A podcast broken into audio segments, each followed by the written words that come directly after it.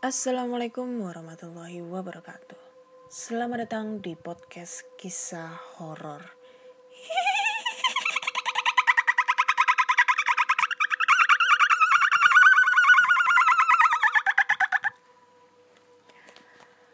Oke, jumpa lagi dengan aku Ana di sini yang akan membacakan cerita horor ataupun email berhantu yang sudah dikirimkan teman-teman melalui podcast kisah horor at gmail.com ataupun di DM Instagram podcast kisah horor dan DM Instagram Ana Olive. Oke, okay. kali ini aku akan membacakan cerita-cerita horor ya. Tapi sebelum itu, ya aku lagi prihatin banget ya karena lagi rame banget berita di YouTube, eh kok di YouTube, di Twitter tentang masalah ada salah satu stasiun televisi yang menggugat atau ya intinya itu menggugat supaya kita semua masyarakat tidak bisa me, apa ya live di Instagram, live di Facebook, YouTube, eh pokoknya semua sosmed lah atau ataupun mungkin me membuat suatu kreativitas di medsos ya. Aduh ini menjadi berita yang prihatin banget. Karena ya itu tadi. Iri bilang bos.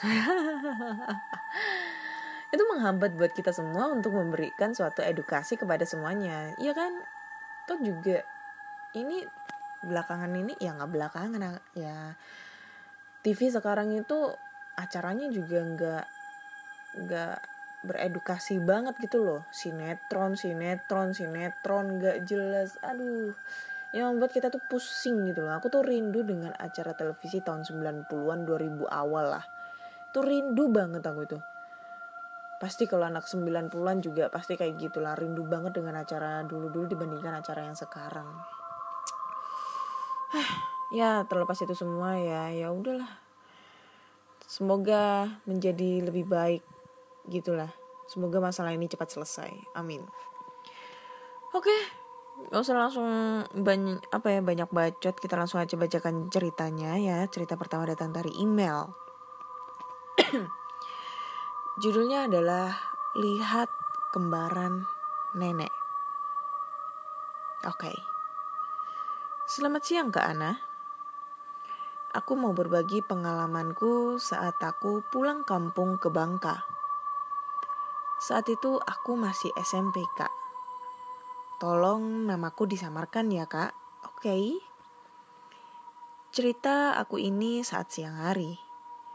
Saat itu aku mau cuci baju di kamar mandi belakang.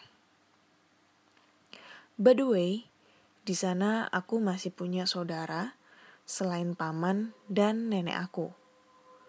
Aku panggilnya Akung. Jadi, Akung tetanggaan sama nenekku. Aku pinjam kamar mandi Akung untuk cuci baju.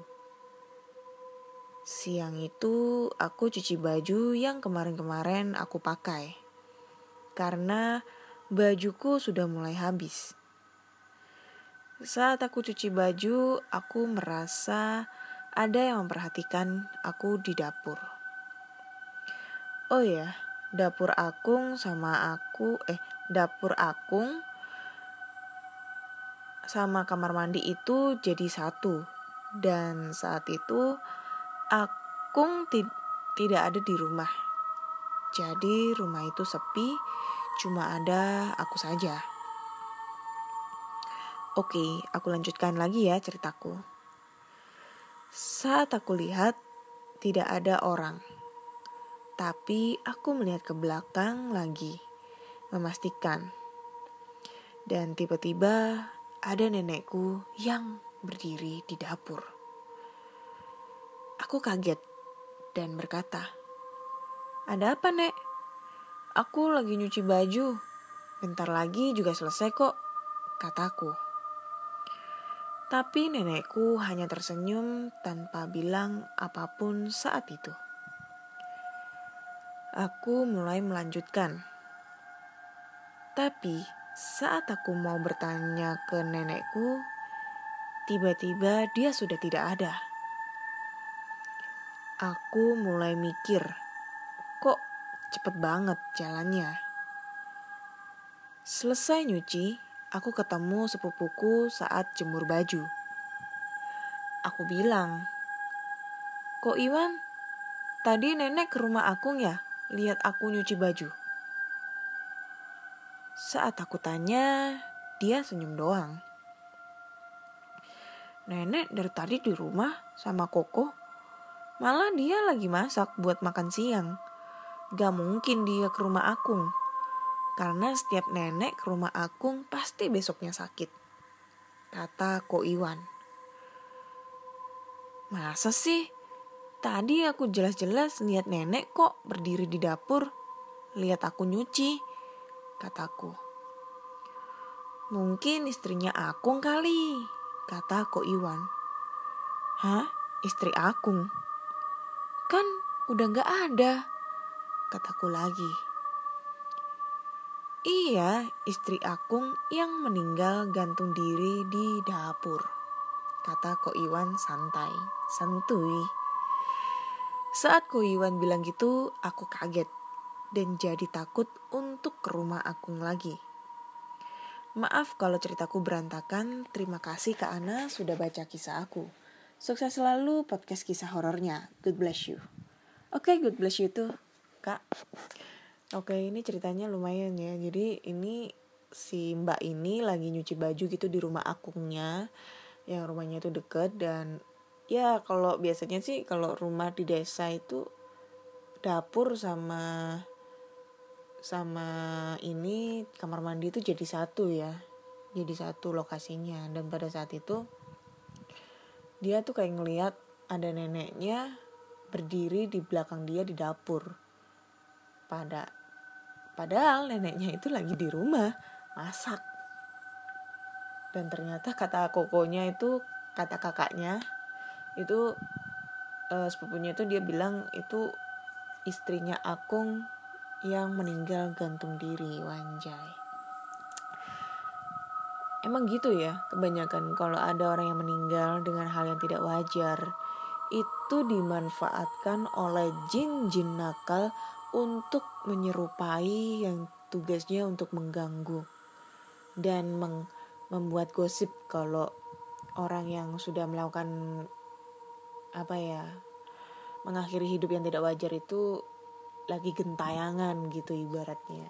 Pinter ini lambe turah itu jinnya ya. Jadi kayak gitu deh. Aduh. Nggak bisa ngebayangin ya aku punya temen yang pernah gantung diri tapi aku belum pernah dengar cerita-cerita sih. Karena setelah teman aku gantung diri ini orang tuanya pindah rumah. Nggak di rumah itu lagi yang deket rumahku tapi udah pindah ke kota lain. Ya semoga arwahnya diterima di sisi Tuhan ya. Diampuni segala dosa-dosanya.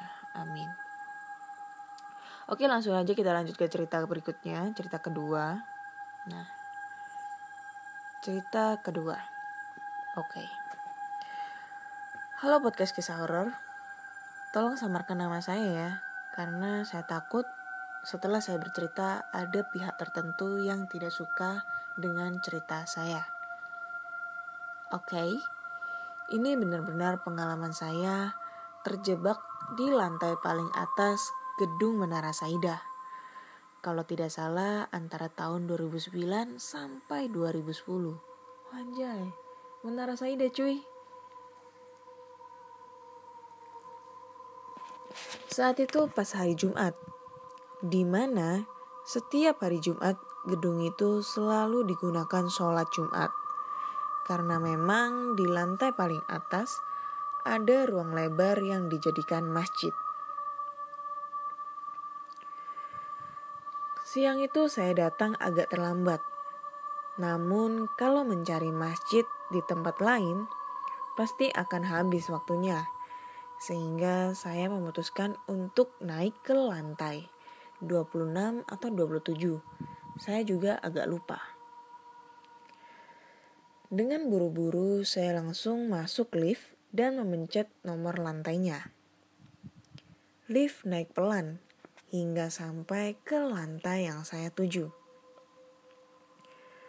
Setelah pintu membuka, saya langsung keluar dari lift dan langsung belok ke kanan. Karena ruang untuk sholatnya berada di sebelah kanan lift. Tapi betapa terkejutnya saya ketika sudah berada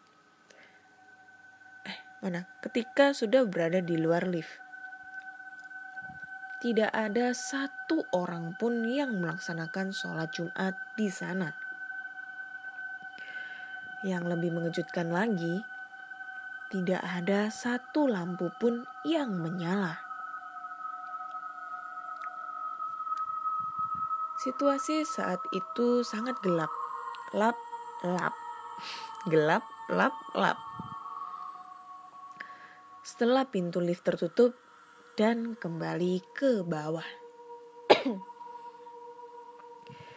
Saya mencoba menekan lift berkali-kali agar pintunya ter membuka, tetapi tidak bisa. Rasanya jantung saya mau copot. Karena di kegelapan itu terlihat ada cahaya merah kecil yang menyala di ujung sebelah kiri dan kanan. Ternyata itu adalah cahaya lampu dari box cycling atau apalah namanya. Yang jelas itu adalah alat emergensi. Dalam situasi seperti itu, aku mulai mengontrol perasaan agar tidak semakin panik. Keringatku mulai bercucuran karena udara yang sangat panas. Aku mulai mencari-cari jalan keluar dengan bantuan cahaya handphone yang aku pegang. Saat itu aku membawa dua HP. Yang satu tidak ada sinyal, yang CDMA tidak ada pulsa. Maka tidak ada jalan lain kecuali mencari tangga darurat untuk turun dan terbebas dari panas, panik, dan was-was ini. Pelan-pelan aku mulai menelusuri lorong kecil di samping pintu masjid menuju tangga darurat. Setelah ketemu pintu tangga, ternyata jalan keluarnya dihalang-halangi rak besar tempat menyimpan sepatu. Setelah ku geser sesuai dengan lebar tubuh, aku melangkah ke bawah melalui tangga. Lantai pertama berhasil kulalui. Turun ke lantai berikutnya, semua baik-baik saja. Ketika sampai di lantai yang ketiga, wih, pikiranku mulai ke mana-mana. Dalam hatiku bertanya, aku ketemu apa nanti jika sudah sampai pertengahan lantai? Perkiraan di lantai 13 atau 14. Kalaupun ada penghuninya lari ke atas atau ke bawah, rasanya tidak sanggup. Bisa-bisa saya jadi korbannya dan tidak ada orang yang tahu apa yang terjadi. Pas di pertengahan anak tangga, saya baru sadar bahwa telapak tangan saya penuh dengan debu karena saya gunakan untuk memegang anak tangga. Terpaksa saya berhenti sebentar dan menggosokkan telapak tangan saya, tangan kanan, lalu saya lihat. Ternyata debu di tangga dan anak-anak tangga benar-benar sangat tebal. Saya mulai berpikir bahwa gedung ini sudah lama tidak ditempati orang. Tanpa pikir panjang lagi, Saya langsung bergegas ke lantai atas menuju masjid. Saya benar-benar panik karena jalan satu-satunya tidak berhasil. Di tengah kepanikan seperti itu, suatu anugerah benar-benar saya rasakan. Tiba-tiba saya pikiran eh tiba-tiba pikiran saya teringat dengan voucher pulsasi DMA 10.000 yang ada di dompet. Ini benar-benar sebuah pertolongan dari Allah karena kalau tidak matilah saya di atas. Setelah de ingat dengan voucher, pikiran langsung encer. Segera aku telepon pusat call center 108 untuk minta informasi nomor gudang Menara Saida. Setelah mendapat nomor, segera aku telepon nomor itu. Beruntung juga ada yang mengangkat, sehingga langsung saya jelaskan bahwa posisi saya sedang terjebak di lantai paling atas. Awalnya saya sempat ragu apakah orang yang mengangkat telepon tadi percaya dengan informasiku. Menunggu sambil berdoa, akhirnya terdengar suara lift jalan. Setelah menunggu beberapa saat, akhirnya pintu terbuka dan saya lihat pria berpakaian hitam-hitam seperti satpam sambil memegang besi di tangannya. Sepertinya dia bersegi, bersiaga menghadapi serangan kalau-kalau ada yang menyerang. Tanpa banyak bicara, saya langsung naik lift dan turun ke bawah. Sampai di bawah, saya ucapkan terima kasih kepada pria itu dan langsung ke jalan raya. Pengalaman uji nyali seperti ditayangkan di televisi ini benar-benar tidak terlupakan seumur hidup. Thanks Kak Ana sudah dibacakan. Oke, terima kasih ya buat masnya. Jadi ini ceritanya ya, masnya ini mau Jumatan nih. Ini bukan pegawai di Menara Saida karena setahu aku Menara Saida itu tahun 2007 udah ditutup.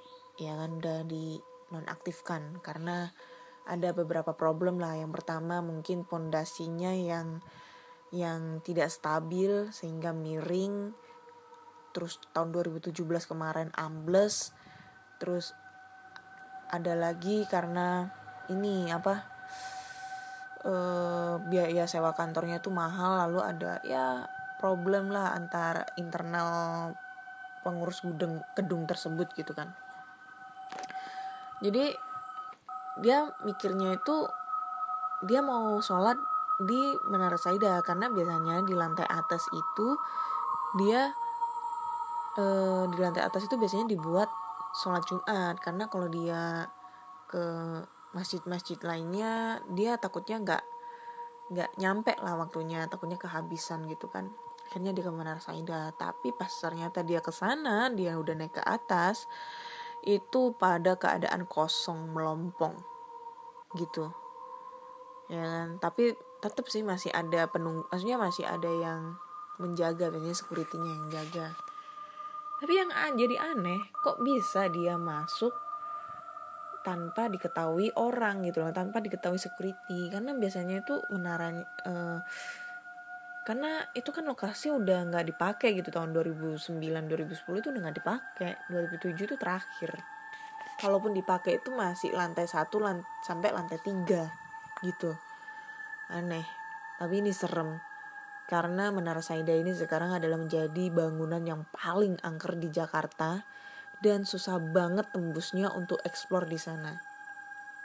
Walaupun sekelas Sarawijayanto atau mungkin uh, ya sekelas artis-artis gitu yang pengen eksplor di sana gitu ya yang ya exploring gitu susah. Nggak bisa. Walaupun dibayar pun kita bayar pun juga nggak bisa gitu. Sumpah tapi katanya sih ini lokasi sekarang udah jadi angker dan apa ya setiap lantai itu sudah ada penunggunya dan lagi katanya dengar-dengar itu tempat pembuangan kayak makhluk-makhluk halus gitu loh dibuang di situ gitu loh ibaratnya. Jadi wah jadi hal tempat yang paling angker banget gitu aku pengen banget buat explore di situ tapi ya nggak mungkin lah secara yang sekelas Sarah Wijayanto aja nggak bisa explore di sana apalagi youtuber ecek-ecek kayak aku gini. Nggak bisa dong. Oke okay. kayaknya udah cukup aja ya dua cerita kali ini yang akan aku bacakan. Karena ini takutnya nanti bahan ceritaku habis. Jadi dua cerita jadi uh, untuk episode setiap episode aku akan membacakan dua cerita oke okay? so cukup sekian dulu cerita kali ini jika kalian mempunyai cerita horor entah itu pengalaman dari kakak adik kakek nenek ayah ibu teman saudara kalian bisa langsung aja kirim ceritanya ke podcast at gmail.com podcast kisah horor at gmail.com ataupun di DM Instagram podcast kisah horor dan DM Instagram Ana Olive. Dan jika kalian suka banget dengan explore tempat-tempat terbengkalai, kalian bisa langsung aja mampir ke channel YouTube aku podcast eh channel YouTube aku Ana Olive. Di situ ada video explore tempat terbengkalai dan juga ada video podcast juga gitu. Tapi ceritanya beda dari yang ada di Spotify. Jangan lupa klik tombol subscribe, like, comment, dan share. Dan podcast kisah horor kali ini sudah eksklusif di Spotify, Google Podcast, Apple Podcast, dan Anchor. Dukung terus podcast kisah horor agar podcast kisah horor bisa trending karena podcast kisah horor sekarang udah masuk peringkat 100 besar. Alhamdulillah, ya kan? Karena ya karena kepercayaan kalian untuk aku membacakan cerita-cerita horor kali ini ya ini menjadi suatu anugerah deh buat aku gitu. Anjay. Oke terima kasih untuk kali ini. Jangan lupa nantikan video-video podcast selanjutnya Eh video-video podcast. Jangan lupa nantikan cerita-cerita horor selanjutnya Karena pasti bakal ada cerita-cerita horor yang lebih menarik lagi Dan lebih menyeremin lagi. Oke Sampai jumpa di episode berikutnya.